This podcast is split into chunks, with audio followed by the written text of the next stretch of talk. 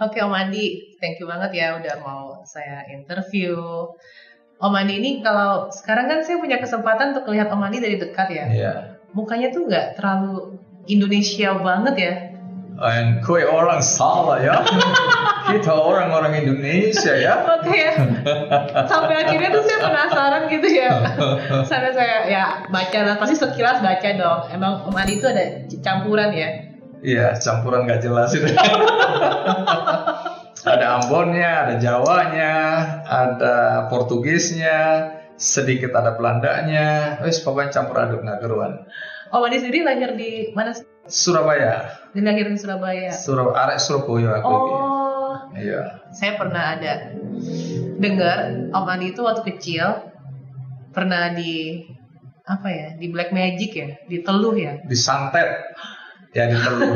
Bahasa Indonesia yang benar tuh diteluh. Iya itu Disantet, iya diguna-guna. itu waktu kecil atau waktu Apa salahku ya? Waktu kecil aku kan nggak punya dosa sebenarnya iya ya. iya iya kok bisa sih Ini cerita dari eh, kakakku sebenarnya. Orang tua pernah cerita, tapi aku waktu ingin tahu lebih jauh tentang peristiwa itu nggak bisa konfirmasi karena kedua orang tua udah meninggal. Tapi kakak yang paling tua dia cerita. Jadi menurut kakak, waktu itu umurku sekitar 4 bulan.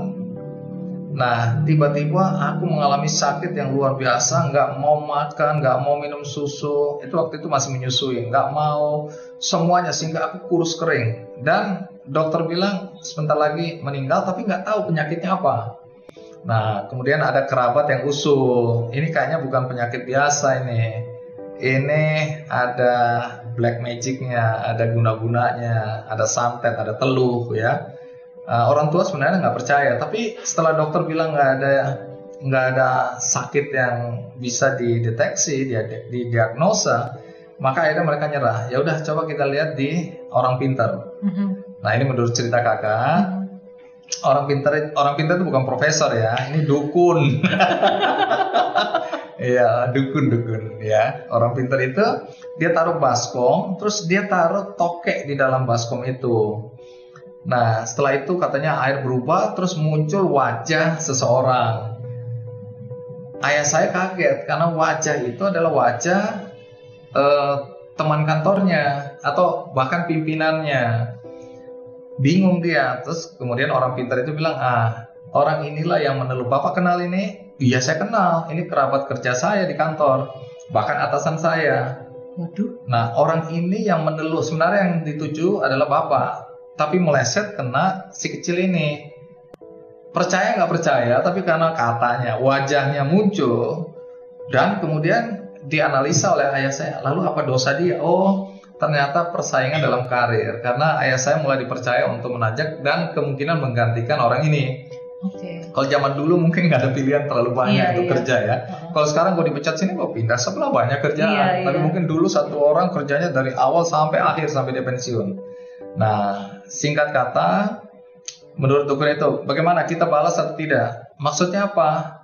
Kalau saya tusuk tokek ini, maka yang meneluh bapak mati. Oh, kaget. Jangan, jangan, jangan. Tapi salah satu cara supaya anak bapak selamat, dia harus meninggalkan Pulau Jawa. Maka umur 4 bulan saya dibawa naik kapal ke Ternate karena orang tua saya eh, memang tinggal dan besar di Ternate walaupun Noya Ambon. Baru berlayar ini menurut cerita ibu saya, saya ingat kalau itu. Baru berlayar meninggalkan pelabuhan di Surabaya, pelabuhan Perak, tiba-tiba saya nangis, minta minum, nyusu, disusuin katanya saya makan dikasih suap bubur, saya makan lahap sekali. Sementara kerabat di Ternate itu perlayaran kira-kira 10 hari. Kerabat di Ternate sudah disuruh jemput karena kemungkinan anak ini akan meninggal di kapal. Karena begitu sengsaranya, saya udah kurus sudah katanya ya. Udah tulang belulang lah. Nah, begitu dijemput di pelabuhan Ternate, semua kaget. Loh, mana anak yang katanya kurus kering mau mati itu? Karena saya udah gemuk. Dalam waktu 10 hari itu pertumbuhannya pesat dan saya segar bugar. Nah, dari situ keluarga percaya bahwa memang ini soal teluh. Dan saya sehat sampai hari ini kan. Iya Nah, sih. jadi katanya begitu cerita. Jadi nyaris kita nggak ketemu ini. Ya kalau Iya. ketemu pakai jai langkung. Aku datang juga sih, tapi jai langkung mau di ini ya. Terus akhirnya balik lagi ke Surabaya. Nah kemudian kami ke Makassar. Oh ke Makassar. Iya, karena orang tuaku berpisah, ya mereka bercerai. Oh. Kemudian ibu membawa aku dan kakak-kakak ke Makassar karena di situ ibunya tinggal. Ibu ibuku Nenek. nenekku. Iya. Nenekku itu tinggal di Makassar karena kakekku adalah kepala penjara di Bone. Terus kemudian umur 7 tahun sekitar itu kembali lagi ke Surabaya. Tapi sudah sehat walafiat. Jadi saya sekolah sampai umur 13. Saya kemu- eh, pindah sebentar ke Malang. Kemudian eh, ikut ayah saya. Jadi Ketemu ayah lagi. ketemu lagi pada saat saya masuk SMP atau ST, sekolah teknik. Dulu Mhm. saya STM, anak STM, jurusan mesin. Nah itu pertemuan pertama saya dengan ayah saya setelah sekian tahun saya nggak pernah kenal ayah saya. Ada sempet rasa kesal nggak sih sama ayah ditinggal begitu? eh Pasti ada struggle. terlalu kecil untuk marah pada orang tua. Oke. Karena waktu itu ibu saya bilang bahwa mereka hanya berpisah sementara, ayahmu lagi kerja. Oh. Eh, jadi fotonya tetap ada di ayah saya. Eh, ibu saya kan tukang jahit, jadi foto Iya. ayah saya masih ada. Jadi kalau saya tanya mana, "Kok semua orang kok punya bapak, aku kok nggak punya. Ah ini ayahmu, cuma foto hitam putih itu satu-satunya. Jadi itu yang eh, membuat saya merasa punya ayah. Saya nggak punya kemarahan karena ibu saya nggak pernah cerita jelek tentang ayah Oh, saya. bagus ya. Nah, tapi kami akibatnya memang kami hidup menderita dari kecil ya. Ibu saya harus banting tulang sebagai single parent. Dia jadi tukang jahit, pernah jadi kasir di sebuah restoran, berangkat subuh-subuh diantar mobil sayur ya. Terus kemudian pulangnya nanti sudah malam. Jadi eh, sisi positifnya itu membuat saya dari kecil sudah mandiri. Jadi ngurus cuci baju sendiri, setrika sendiri. Setrika dulu jangan pikir pakai listrik, dulu areng. Jadi harus subuh-subuh bakar areng dulu, kipas-kipas kipas sama apa? eh, setrika ayam dulu yang beratnya yang ketulungan. Itu pagi-pagi saya sudah mulai setrika ya. Kadang-kadang masih basah pun kita setrika sampai baunya bau ya tahu kan Iya iya. Nah, baju iya. basah kalau disetrika Iya. kan baunya apek gitu kan. Iya. Nah, itu yang saya pakai. Nah, pulang sekolah, pergi sekolah semua saya urus sendiri sarapan, makan, masak bersama dua kakak perempuan. Kakak perempuan belum kerja atau mungkin Oh, belum kami dekat? iya, kami jaraknya dua-dua tahun. Jadi kakak perempuan dua ini dulu kelas 6, terus ada yang kelas 4, saya kebetulan kelas 3. Jadi kehidupan kami ya sama, saya bersama tiga kakak jalan. Tapi ada waktu di mana kehidupan makin susah, sehingga kakak saya dititipkan di asrama, asrama perempuan. Karena di asrama itu kan gratis untuk orang-orang miskin, ya, asrama Katolik. Nah, ibu saya sama saya yang kemudian tinggal di apa garasi rumah orang, tinggal di kamar pembantu. Di garasi rumah orang ada yang Rumah orang. kok bisa mem- memperbolehkan Karena itu pelanggan eh, jahit ibu saya. oh. Seorang ibu. Nah ketika dia tahu kami susah nggak punya tempat dia tawarin mau nggak tinggal di garasi. Nah garasi itu kami sulap ada tempat tidur kita masukin tempat tidur. Dulu kan amben istilahnya. Jadi eh, amben itu tempat tidur yang ringan itu loh yang murahan gitu pakai klosok klosok itu tikar. Nah, ada mesin jahit ibu saya di situ, ada tempat ini. Sekali-sekali kalau pulang dari atau Sabtu Minggu itu kan boleh keluar dari asrama. Jadi kakak saya pulang di situ. Jadi kami tinggal eh, berempat dengan ibu saya. Itu sih. Nah, kalau ada kakak-kakak ya kita gelar tikar di bawah tidur di situ. Jadi ibu saya terima jahitan tetap. Itu ceritanya. Jadi masa-masa itu saya nggak punya ayah. Tapi saya nggak marah sama ayah karena ibu saya nggak pernah cerita tentang hal-hal yang buruk uh, tentang ayah saya. aku waktu itu sempet juga Google kan Google nih Andi Afnoya gitu kan Hmm. terus gua dong artikel-artikel ada yang aku baca ada yang nggak aku baca loh banyak banget soalnya artikelnya Nggak usah dibaca nggak penting sebenarnya.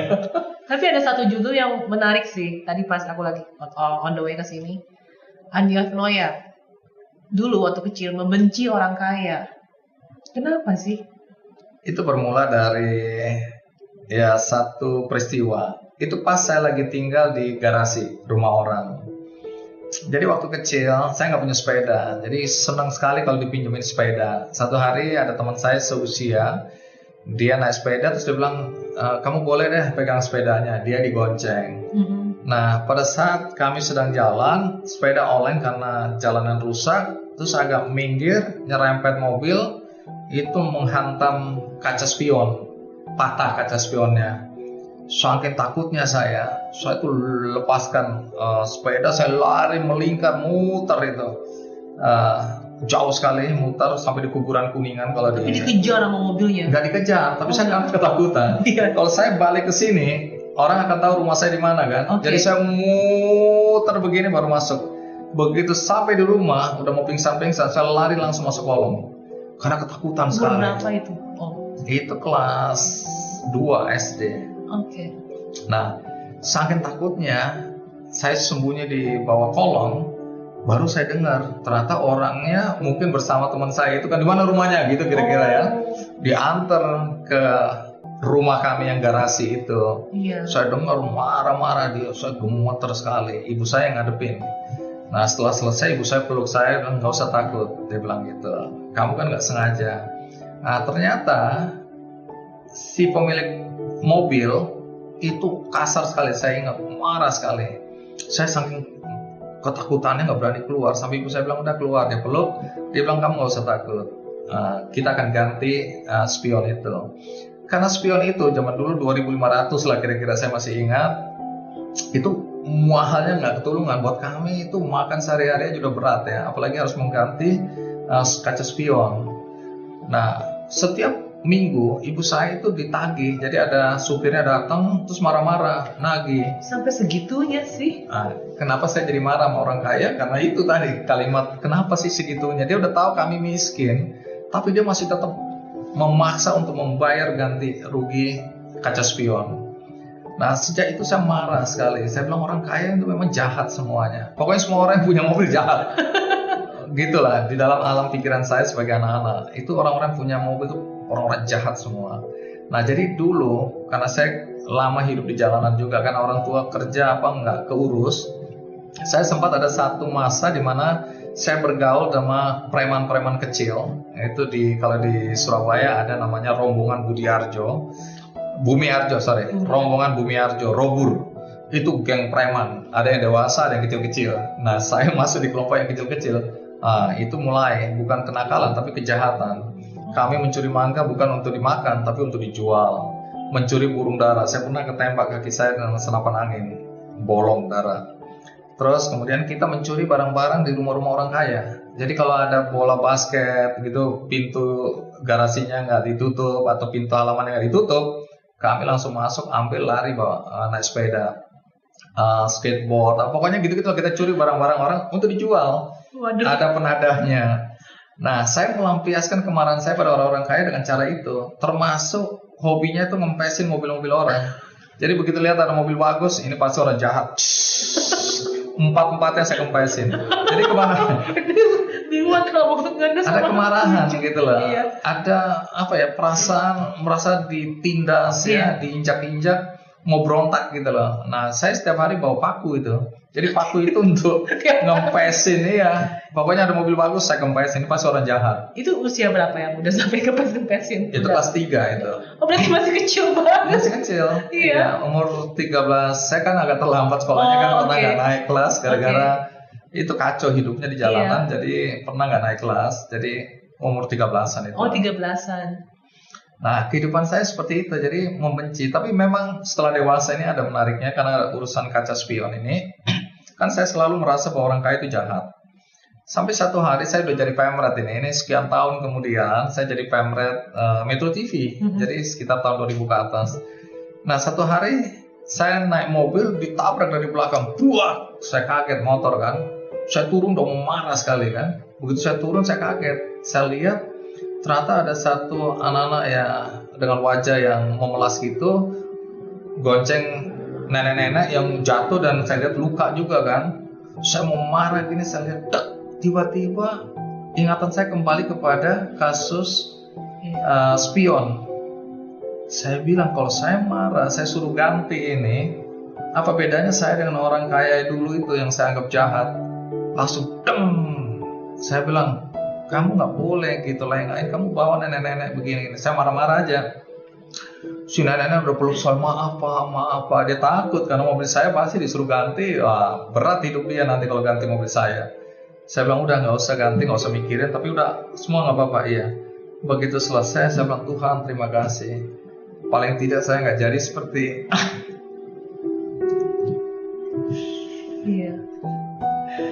tidak jadi seperti yang dulu orang itu lakukan sama saya. Jadi saya bilang terima, Tuhan terima kasih. Hari ini saya bisa menahan diri untuk berbuat berbeda dengan apa yang orang perlakukan sama saya dan ibu saya dulu. Jadi ya ada cerita sedikit. Ah jadi cengeng nih. Bisu bisu. Ya itulah cerita kenapa saya benci orang kaya dulu. Tapi apakah uh, kejadian itu yang membuat maksudnya ada rasa rasa benci itu dengan orang kaya itu tidak berlarut-larut sampai akhirnya jadi pemret Metro TV kan? Oh, tidak. Setelah dewasa kan kita bisa tahu Iya. bukan cuma orang kaya, ada juga orang yang tidak mampu yang jahat juga. Jadi jahat, baik itu tidak selalu uh, berkaitan dengan materi. Jadi dari situ ya setelah dewasa ya kita bisa lihat banyak orang kaya juga yang baik ya, dan, dan sebaliknya. Jadi itu hanya pembelajaran, ada situasional aja. Ketika saya merasa dizolimi oleh orang kaya hanya gara-gara kaca spion dan dia lihat kami tinggal di di garasi orang dan dia tahu persis betapa miskinnya kami tapi tetap dimintain pertanggungjawaban. Nah ini yang saya bilang tidak boleh terjadi dalam hidup saya kepada orang lain dan kalau boleh orang lain kepada orang lain. Jadi nggak boleh kita lihat aja ini kan kecelakaan bukan kesengajaan. Jadi kenapa sebuah kaca spion harus jadi persoalan gitu, jadi beban orang yang tidak mampu. Nah ini yang saya tidak akan atau saya tidak mau terjadi pada siapa pun juga, karena itu betul-betul melukai perasaan dan ya itu membuat stigma bahwa orang orang kaya itu jahat. Begitu Iya. masa lalu. Iya.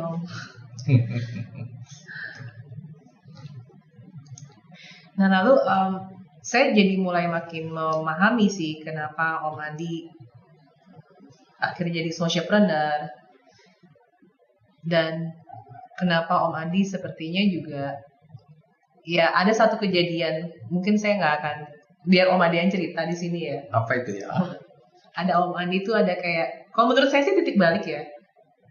Kejadian di Uzbekistan ya mau terbang itu loh karena itu ada Oh, ada ada pesawat mau jatuh. dari pesawat mau jatuh terus tapi dari awalnya dulu setelah kejadian itu akhirnya gimana gitu Ini konteksnya dengan kehidupan religi ya. iya Jadi saya kan memang dari dulu ini dari dulu itu artinya ketika hidup di Papua bersama ayah saya, kami tinggal di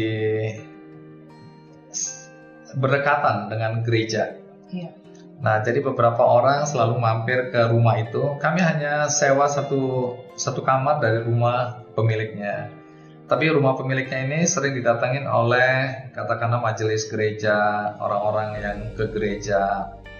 Nah, karena itu saya sering mendengar tentang di dalam gereja kan selalu cerita-cerita tentang kebaikan, kasih ya. Tapi dalam realitanya saya melihat dengan kepala sendiri, dengan mata kepala sendiri bahwa apa yang disampaikan di gereja oleh orang-orang itu di dalam kehidupan nyata di luar gereja tidak sama. Jadi mereka mengajarkan kasih, tapi di rumah mereka mukulin istri. Saya bilang bagaimana mereka cerita tentang kasih kalau kemudian di rumah mereka kasar sama istrinya, kasar sama anak-anaknya. Dari situ saya bilang gereja itu tidak kemudian membuat orang menjadi baik. Dari situ saya memang bilang untuk apa kita ke gereja? Kalau faktanya orang-orang yang memimpin gereja sendiri tidak berperilaku sebagaimana yang diucapkan, ya, sebagaimana yang diajarkan dalam Alkitab. Saya kan pekerjaannya wartawan. Wartawan ini kan dilatih untuk kritis. Jadi kalau orang ngomong saya nggak selalu percaya. Pertama saya diajarkan untuk tidak percaya dulu oh gitu ya sampai dibuktikan bahwa apa yang diomongin itu bisa dipercaya. Jadi pertama-tama selalu curiga, ini benar atau tidak. Dan itu terlatih sedemikian rupa bertahun-tahun, sehingga kalau ke gereja, ketika pendetanya khotbah, aku bilang ini nggak masuk akal, nggak mungkin ya. Jadi ngomel aja ini, ah ini sih Nah, dan seterusnya dan seterusnya. Jadi istriku bilang, Anino ya, ini kita lagi bicara tentang iman. Iman itu nggak usah terlalu kritis.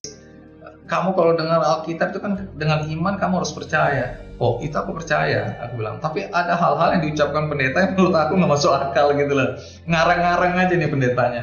Nah, istriku kan lama-lama terganggu. Dan aku juga terganggu. Nah, ini mempertajam apa ya? eh, handicap aku dengan gereja. Nah, sehingga satu hari kan anakku istriku bilang, "Ayo dong ayah ke gereja dong." Udah kalian aja. Ayah punya hubungan khusus sama Tuhan, nggak usah harus lewat gereja. Nah, istriku kan berharap ayah kasih contoh dong supaya anak-anak juga ke gereja. Aku bilang, udahlah kamu aja ajak anak-anak ke gereja. Bilang aja ayahnya nggak terlalu percaya, tapi anak-anak harus ikut ibunya. Jadi ini contoh yang buruk ya. Nah, pada satu hari aku kan diajak oleh salah seorang pengusaha lah untuk ke Uzbekistan karena di sana dia dapat uh, proyek investasi ya untuk jaringan telekomunikasi dan hotel di sana.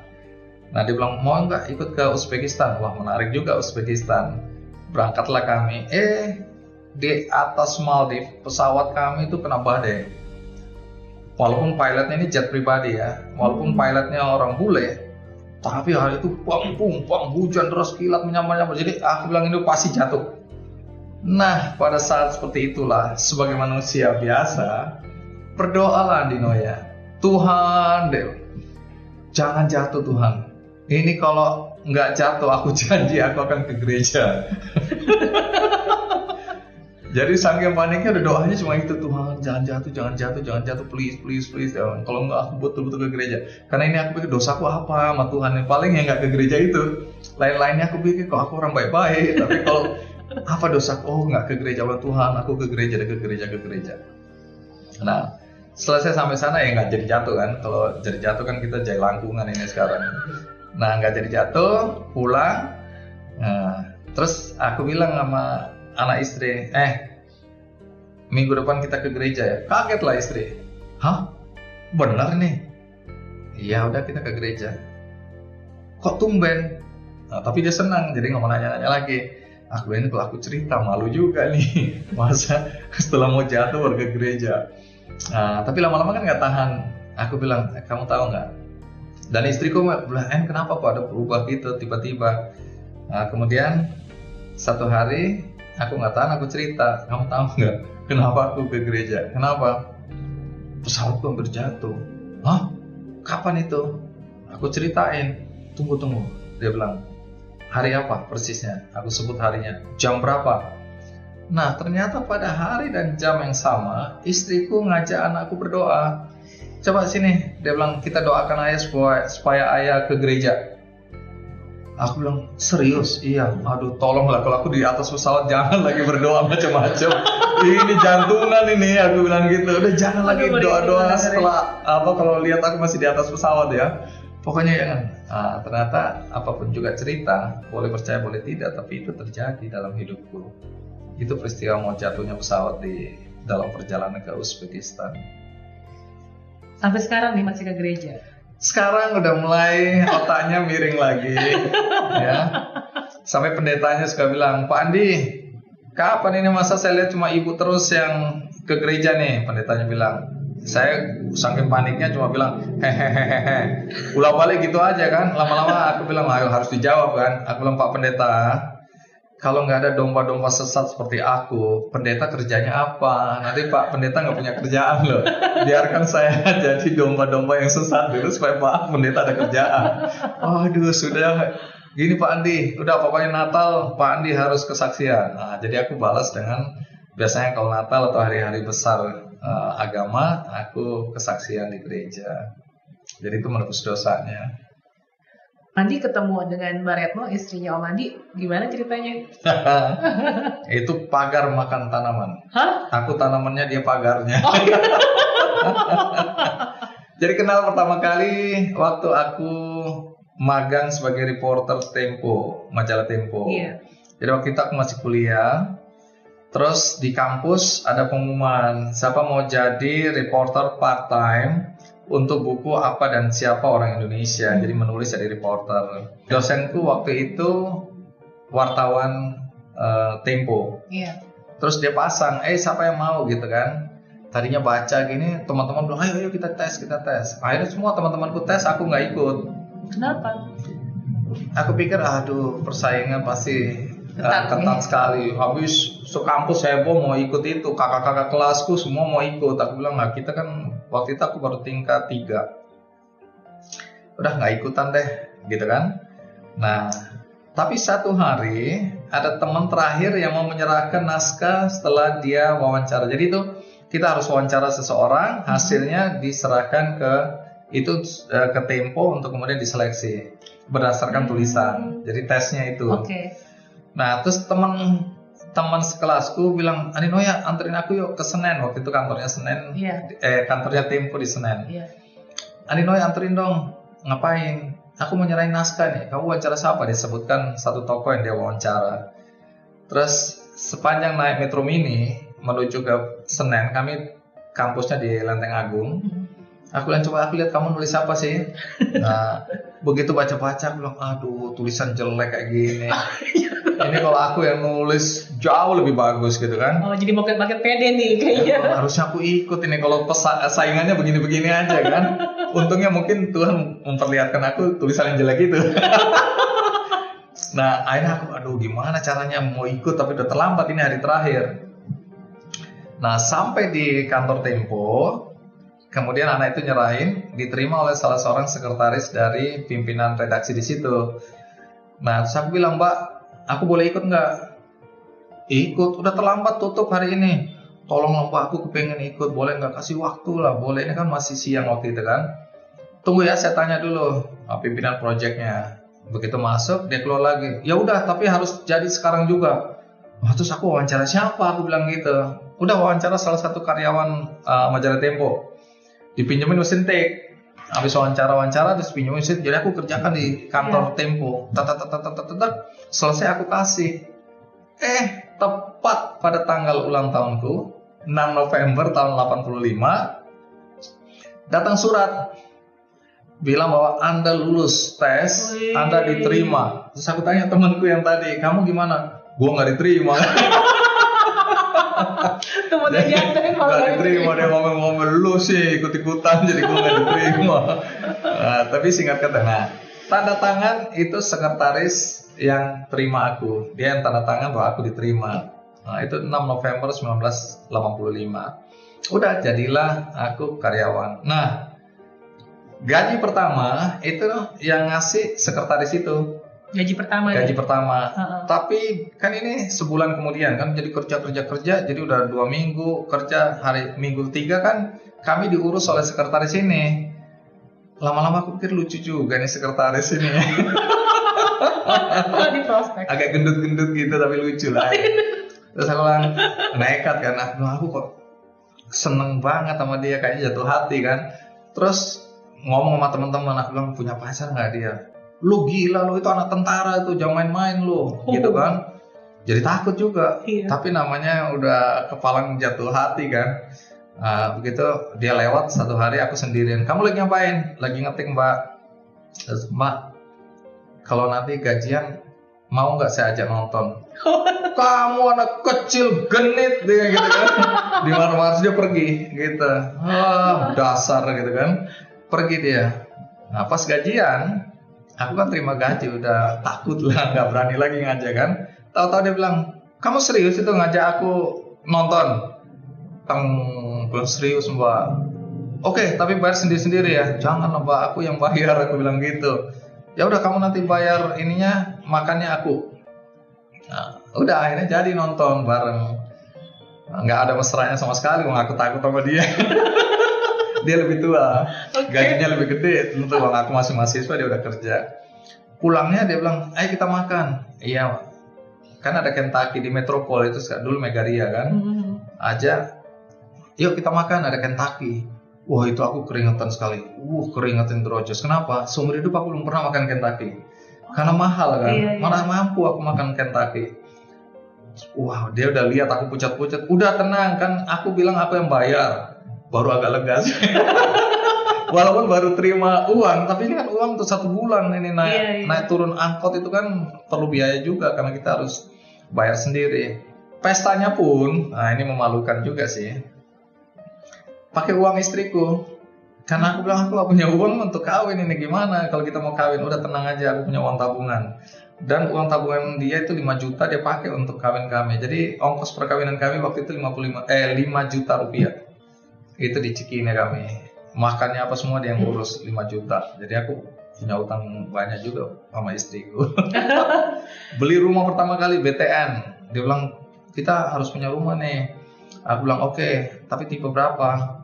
Dia bilang ya kita coba tipe 54 waktu itu BTN ukur ukur ukur aku bilang aduh ini nanti nggak punya uang aku DP-nya dia bilang nggak. Terus nggak lama dia bilang tapi sebaiknya kita punya tipe 75 mati makin panik aku. Dia bilang udah gini aja aku bayar DP kamu yang angsuran. Angsurannya aku ingat 113 ribu rupiah.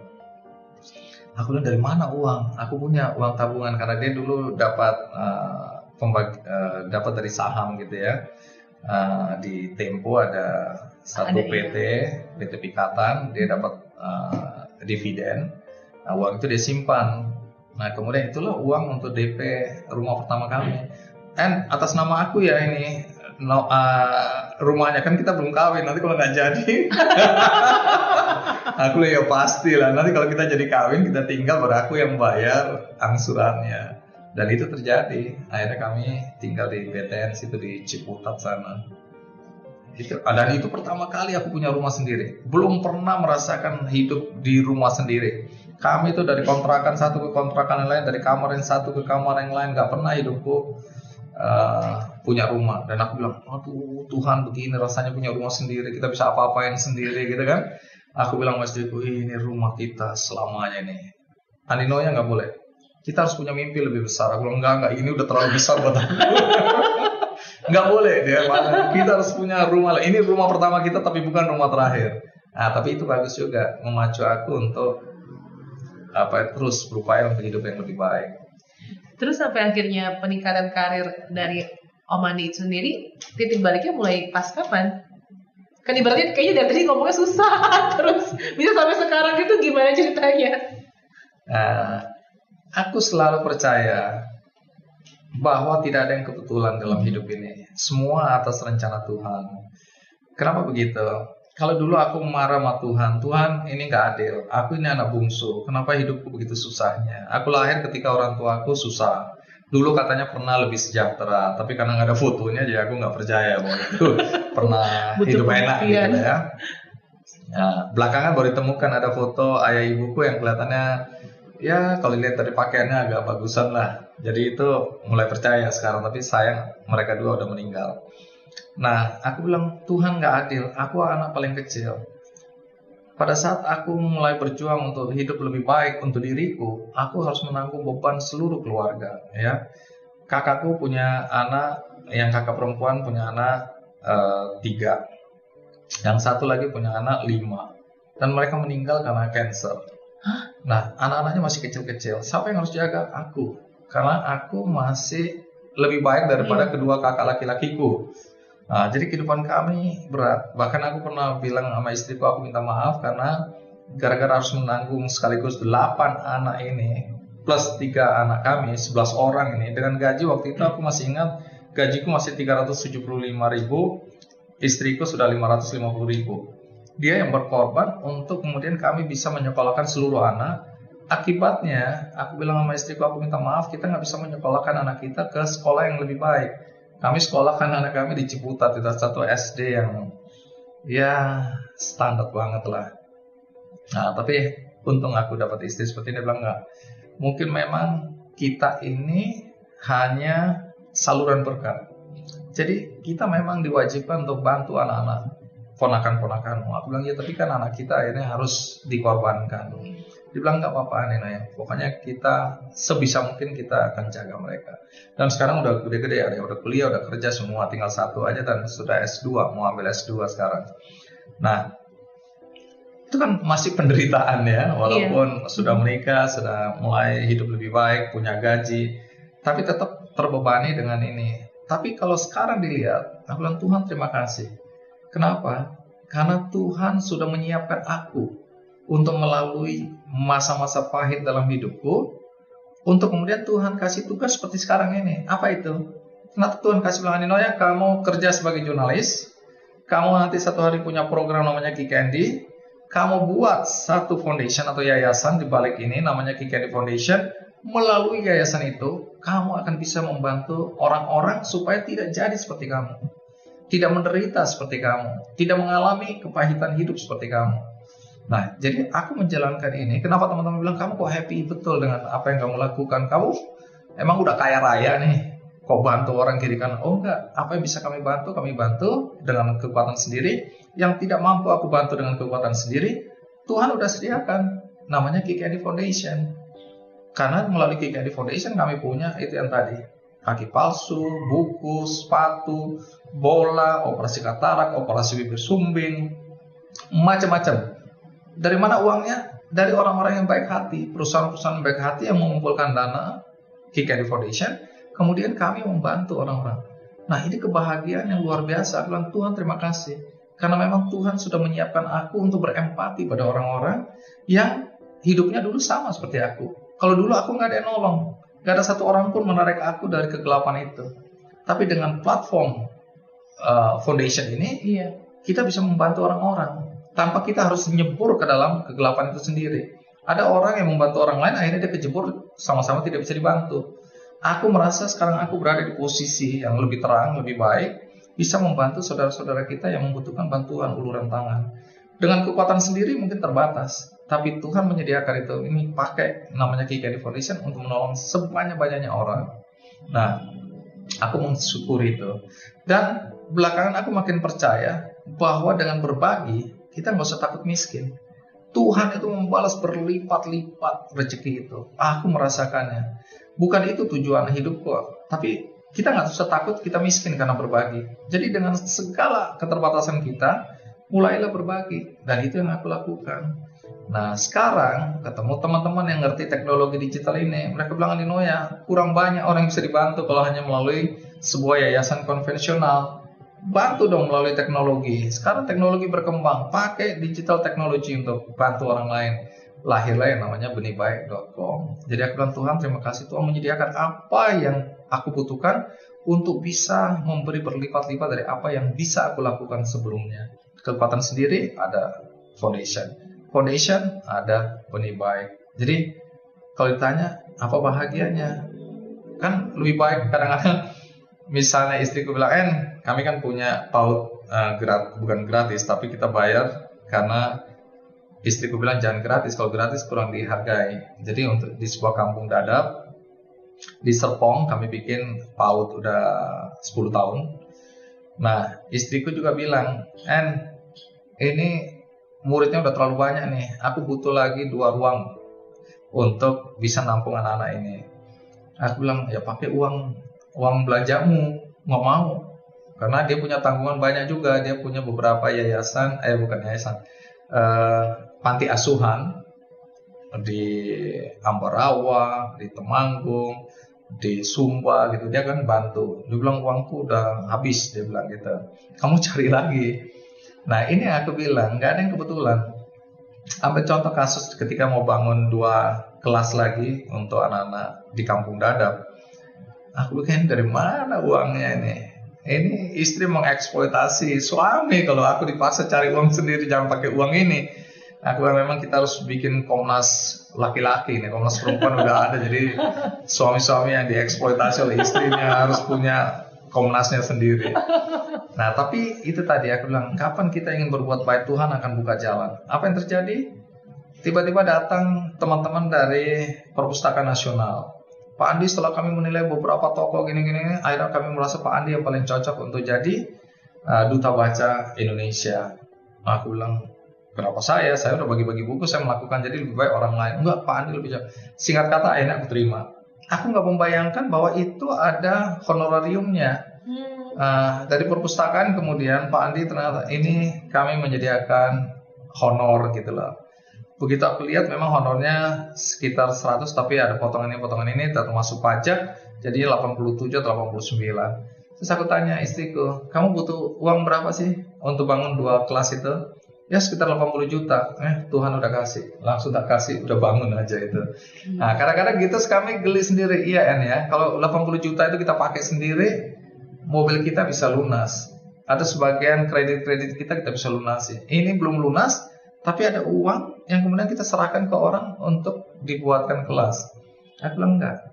Eh istriku ini, kalau aku sih ya juga ya. Istriku bilang tapi memang ya kita ini saluran berkat. Itu bukan uang kita.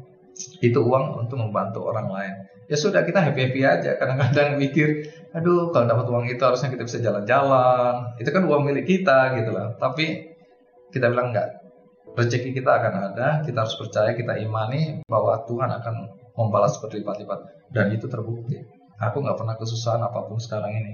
Berlebih tidak, tapi susah jauh. Jadi kita harus percaya bahwa Tuhan punya rencana dalam hidup kita dan rencananya selalu baik untuk kita. Amin. Begitu. Ini pendeta yang bicara. pendeta Andino ya.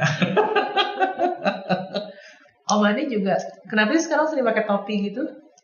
Ini karena AC ini. Kalau Oh, gitu. enggak masuk angin, udah botak. Bener-bener botak. Bener, emang Kalau nggak emang nggak pernah nonton emang nggak tumbuh lagi gitu maksudnya emang nggak jadi pelontos atau emang gimana gitu loh Jadi ada cerita. Ini bermula dari satu hari aku di dulu SMS ya, di SMS oleh temanku di London. Jadi ini teman perempuan dari kami sama-sama reporter di Bisnis Indonesia. Aku pernah kerja di surat kabar Bisnis Indonesia. Nah, dia bilang, eh, dia bilang, Adinoya, main-main dong ke London. Eh, aku pengen ketemu nih, ajak Upi, Upi istriku. Terus aku bilang, Pi, boleh juga ya kita ke London ya? Ayo.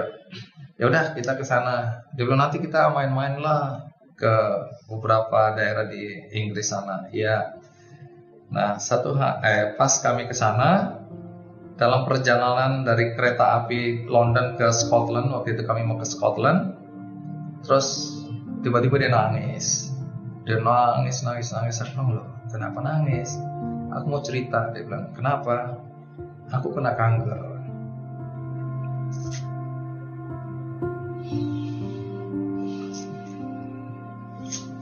Tarik nafas dulu ini Iya. sahabat soalnya aku kena kanker katanya dia. Oh ya stadium berapa? Stadium 3B itu artinya mendekati 4 dan biasanya 4 itu peluang hidupnya kan kecil. Oke kanker apa? Payudara. Eh atau sorry di perut di kandungan. Nah dalam perjalanan selain menceritakan bahwa dia kena kanker, dia bilang kalau hidupku singkat, aku ingin berbuat baik. Kalian berdua itu sudah melakukan banyak sekali perbuatan baik. Sementara aku, aku merasa hidupku selama ini kok untuk diriku sendiri. Gimana sih bisa nggak kalau aku bikin yayasan seperti kalian? Jadi dia mau ikut jejak kami untuk berbagi melalui yayasan. Aku bilang gampang sekali bikin aja yayasan akhirnya diskusi singkat kata pulang dari sana dia sempat ke Indonesia dia bikin yayasan di Magelang karena dia tinggal di Magelang. Padahal dia udah menyediakan satu kapling di dekat rumah dia. Dia bilang nanti kita rumahnya berdekatan dong kamu beli nih. Aku udah beli tanah nanti kamu beli dari aku supaya itu rumah kita berdekatan satu halaman. Karena itu ada gunung merbabu di sana dan sawah indah sekali kan. Kamu tinggal sama aku dekat-dekat aku. Iya aku bilang. Karena kalau aku liputan ke London, aku biasa tinggal di rumah dia. Dia itu kepala seksi BBC London. Namanya Menut Suwondo. Namun rupanya kanker ini mulai mulai menggerogoti kesehatan dia.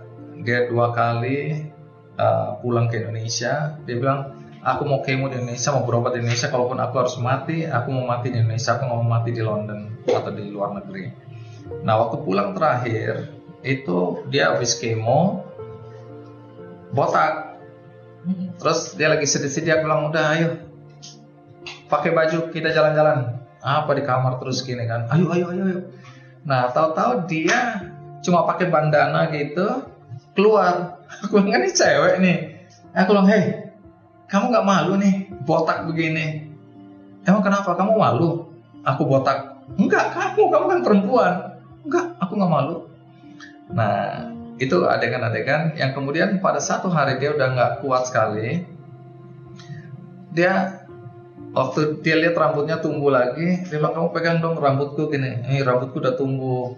Terus dia bilang kamu berani nggak botak kayak aku? Aku bilang nggak mau, no, aku nggak mau botak. Aku bilang karena trademarknya Kick Andy dulu kan kribo. Nah, tapi ini kan mungkin nyangkut di dalam alam bawah sadarku Hmm. tantangan untuk botak. Kamu berempati dong sama orang-orang yang kena kanker kata dia gitu kan? Apa enggak? Enggak mau aku, aku bilang gitu kan. Nah satu hari aku lagi ngobrol sama temanku, jurnalis senior, kita lagi diskusi mengenai bagaimana kita melihat orang. Apakah kita lihat dari kemasannya atau kita lihat dari isinya? Kami kecewa karena banyak sekali orang menghormati atau menghargai orang karena kemasan. Iya.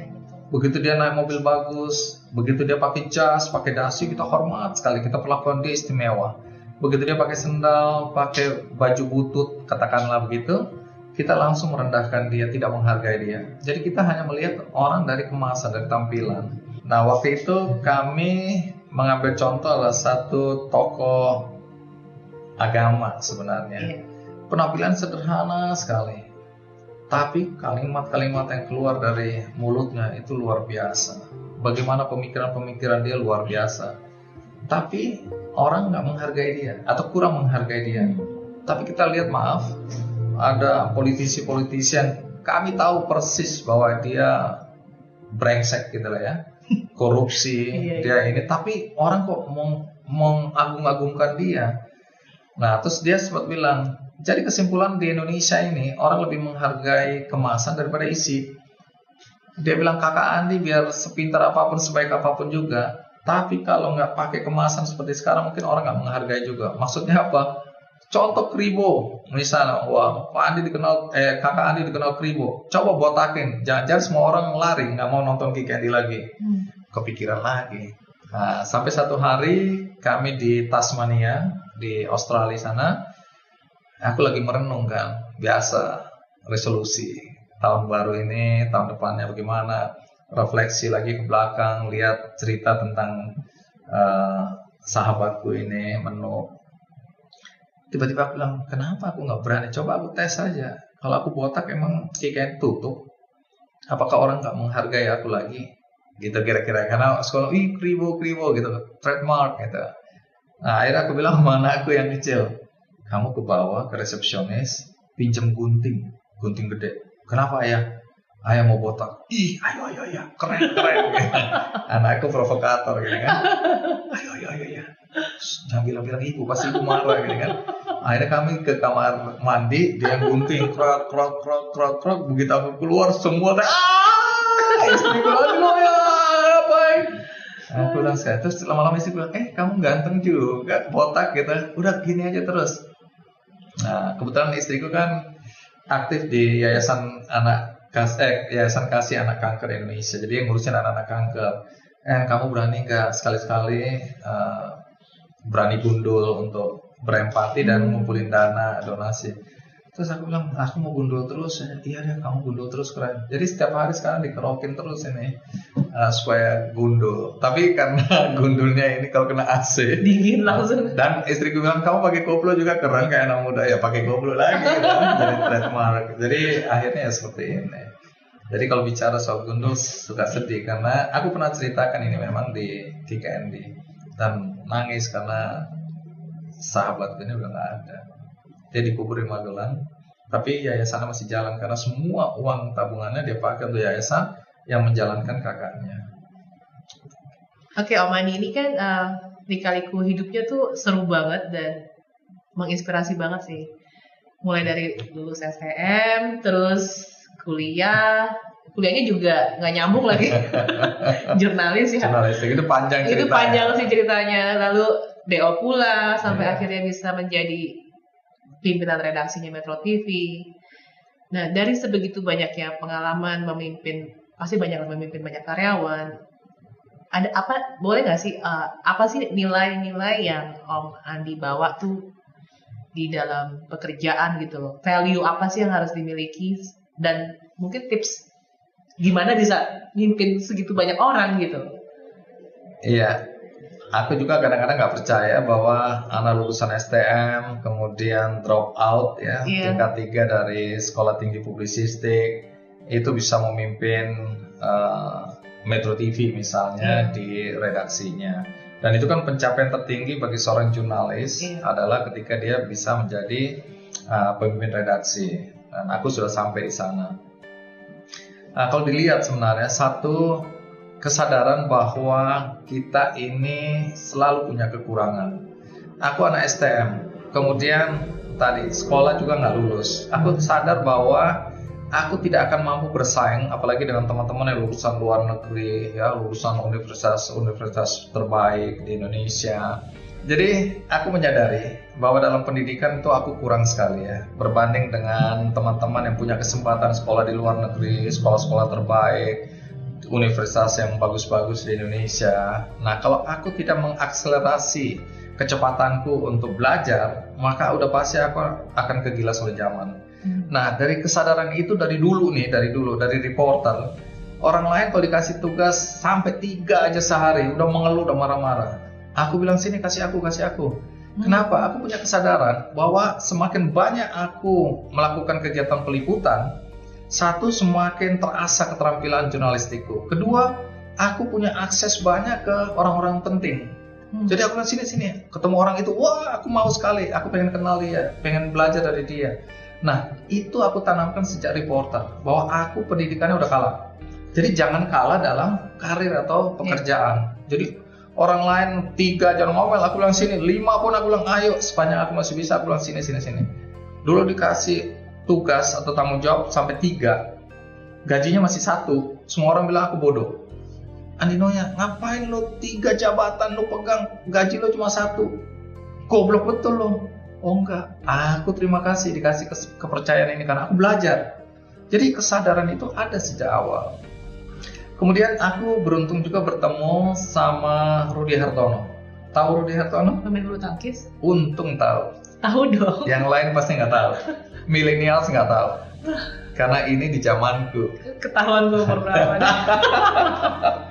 Jadi Rudi Hartono itu juara All England tujuh kali berturut-turut plus satu kali lagi setelah dikalahkan oleh Lim Suking dia ke delapan.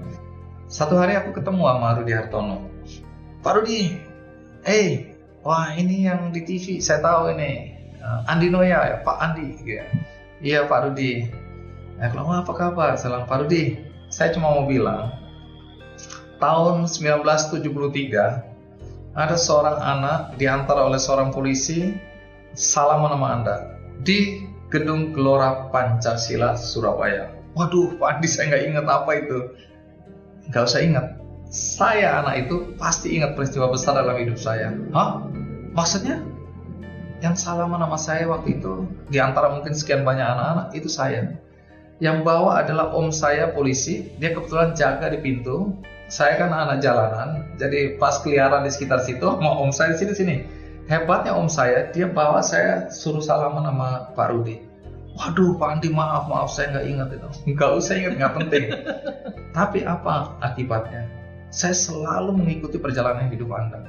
Saya selalu merasa bangga pernah salaman sama seorang Rudi Hartono yang saya dengar cuma di radio aja lawan Sven Free lawan uh, si Prakas Padukon nah itu lawan-lawannya dulu nah karena kebanggaan saya itu saya selalu bilang saya ingin jadi seperti Rudi Hartono. Paling tidak orang yang punya prestasi, orang yang dikenal. Oh gitu ya Pak Andi, gitu. Tapi ngomong Pak Rudi, boleh nggak saya tahu? Anda kan champion, Anda juara. Tapi apa arti champion ini buat Anda dalam kehidupan Anda sekarang ini? Kehidupan sehari-hari, baik sebagai waktu itu dia di top one. Jadi saya tanya, di, misalnya dalam mengelola perusahaan, apa nilai-nilai yang Anda bawa sebagai pemain badminton hebat itu? Oh ada Pak Andi. Ah, menarik, saya mau belajar. Terus dia bilang, ah, gini, kita duduk dulu. Saya cerita sedikit. Dia bilang begini, dulu semua orang, anak-anak, orang dewasa datang, Pak Rudi, Pak Rudi, saya ingin jadi juara seperti Pak Rudi, hebat gitu. Oh, bagus, bagus. Oke, ya gimana caranya? Ah, caranya seperti yang saya lakukan atau dilakukan oleh saya terhadap saya. Dari umur 13, saya itu harus bangun jam 4 pagi. Kemudian lari sekian kilometer, angkat berat, angkat beban, kemudian main badminton. Habis itu jam setengah tujuh sudah harus mandi, berangkat sekolah setiap hari. Hah? Setiap hari harus lari gitu? Iya.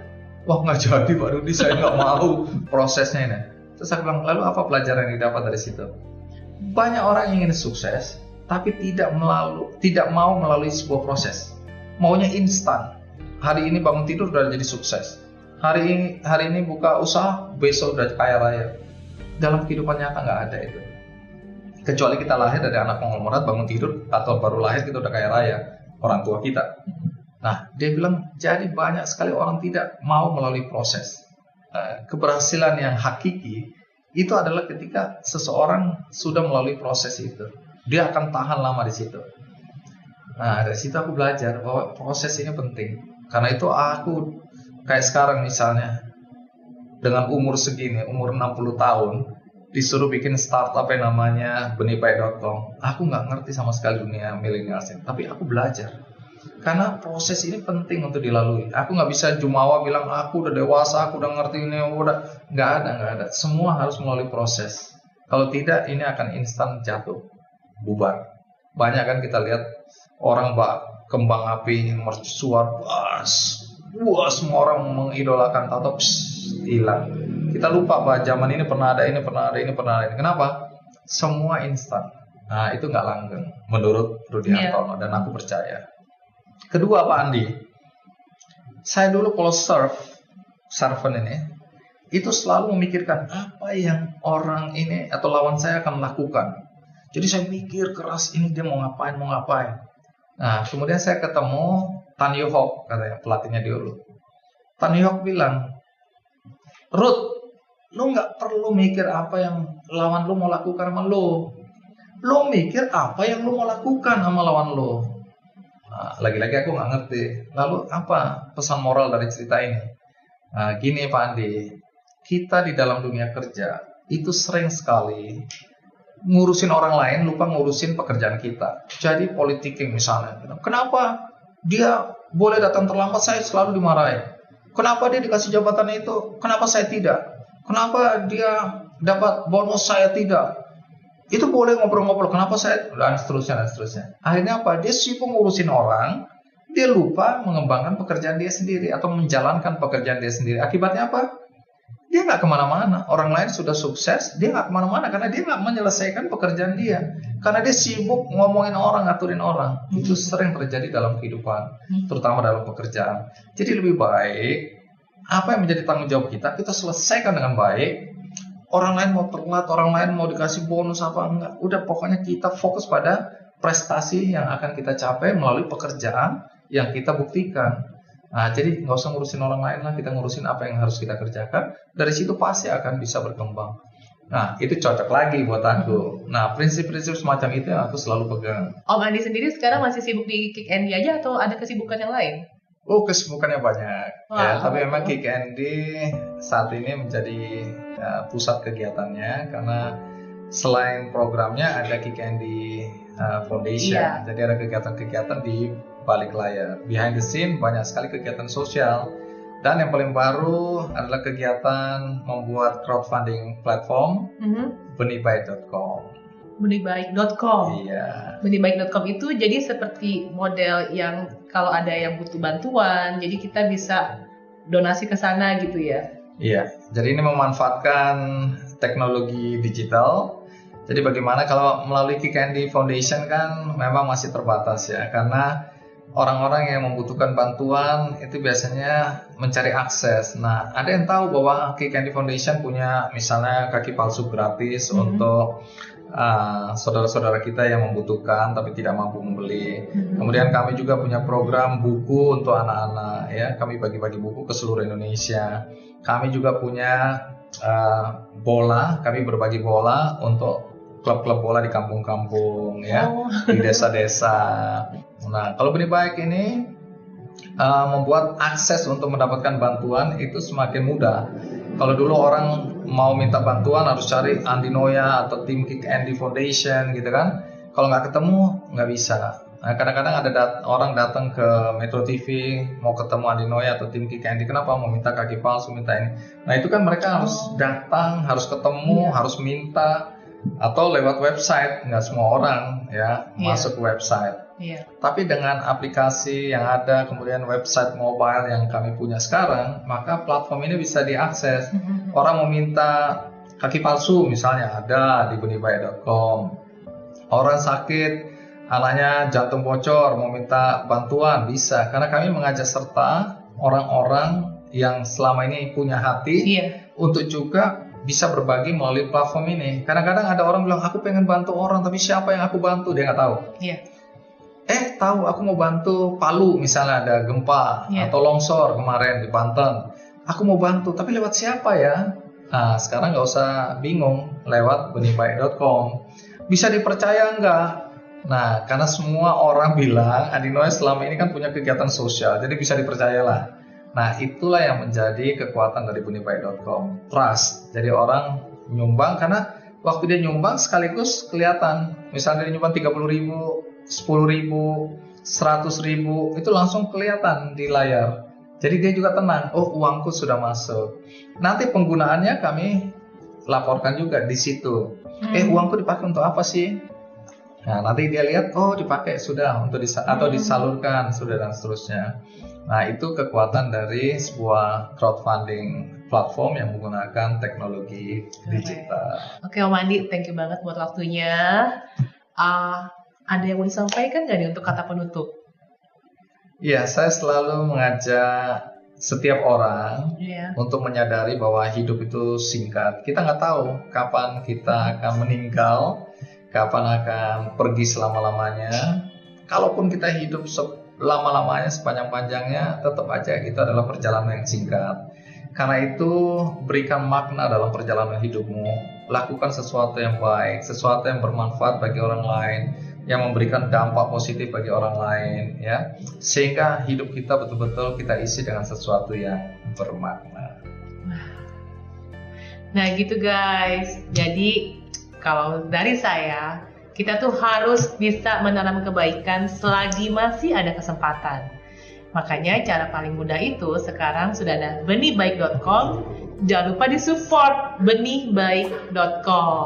Betul betul itu betul. Oke okay, guys, terima kasih uh, udah nonton sampai di sini. Saya Kristinali. Saya Dino ya. Sampai jumpa di video saya selanjutnya. Bye.